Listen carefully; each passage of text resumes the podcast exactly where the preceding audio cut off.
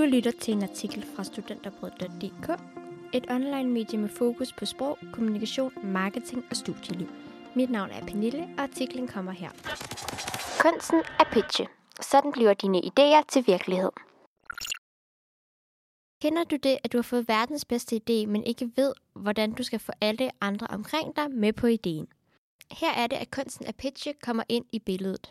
En kompetence, der kan bruges både i det professionelle og private liv. Har du først styr på, hvordan du skal pitche dine idéer korrekt, er der ikke meget, der stopper dine idéer fra at blive til virkelighed. Så lyt med og giv dine drømme og idéer liv. At pitche en idé handler om meget mere end at fortælle andre om sin idé. Der er mange ting, der skal tages hensyn til. Pitchen skal bygges op og fremlægges på den helt rigtige måde, før du kan overbevise dit publikum.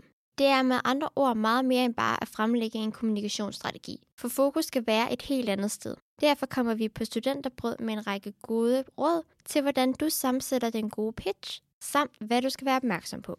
Det handler ikke om dig, men din kunde eller modtager. Når du skal pitche din idé, er det vigtigt at huske på, at det ikke er dig, der skal være i fokus, men din kunde eller modtager. Det er dem, der skal være med på din idé. Det er her vigtigt, at du forsøger at sætte dig ind i modpartens verden.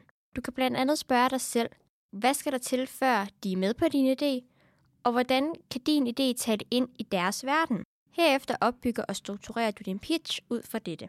Et eksempel kan være, hvis du gerne vil overbevise din chef om, at en podcast vil være en god investering for jer, så skal du fokusere på, hvilke fordele det vil give jer som virksomhed eller organisation. Det kan være, at I når ud til flere i jeres målgruppe, samt det faktum, at det er en kommunikationsform, der kan interageres med på farten, hvilket er en fordel i det samfund, vi lever i.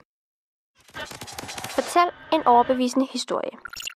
Visualiser din idé og præsenter problemstillingen gennem en levende og overbevisende historie. Historien er på mange måder det helt centrale element i en god pitch. Formår du at fortælle en god historie og fange din modtagers opmærksomhed, er der større chance for, at de vil lytte med og huske din idé. Pitchen er en kort præsentation med formålet at engagere og overtale andre til at investere i din idé. Det er desuden vigtigt, når du præsenterer din idé og fortæller din historie, at du ikke læser op. Det skal komme direkte for dig, før det virker overbevisende. Hvis vi tager udgangspunkt i eksemplet om, at du skal overbevise din chef øh, om, at det vil være værdifuldt at investere tid i podcastformatet, kan du med din historie lægge vægt på, at flere og flere lytter til podcast. Du kan skabe en fiktiv karakter, som afspejler målgruppen, og med udgangspunkt i denne person forklare, hvordan vedkommende vil bruge podcasten i sin hverdag, og hvordan det vil løse eksempelvis problematikken af rækkevidde i jeres kommunikation. Det er altså vigtigt, at man bygger det hele op på den her historie og skaber en fortælling ud af det. En central pointe.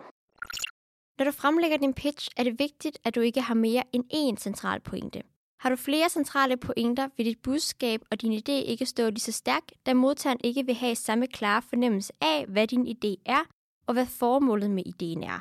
Derfor er det vigtigt, at når du sammensætter din pitch, at du overvejer, hvad det er, du gerne vil have, at modtageren husker og tager med herfra. Med andre ord, hvad er det, der kendetegner din idé, og hvorfor er den interessant for modtageren?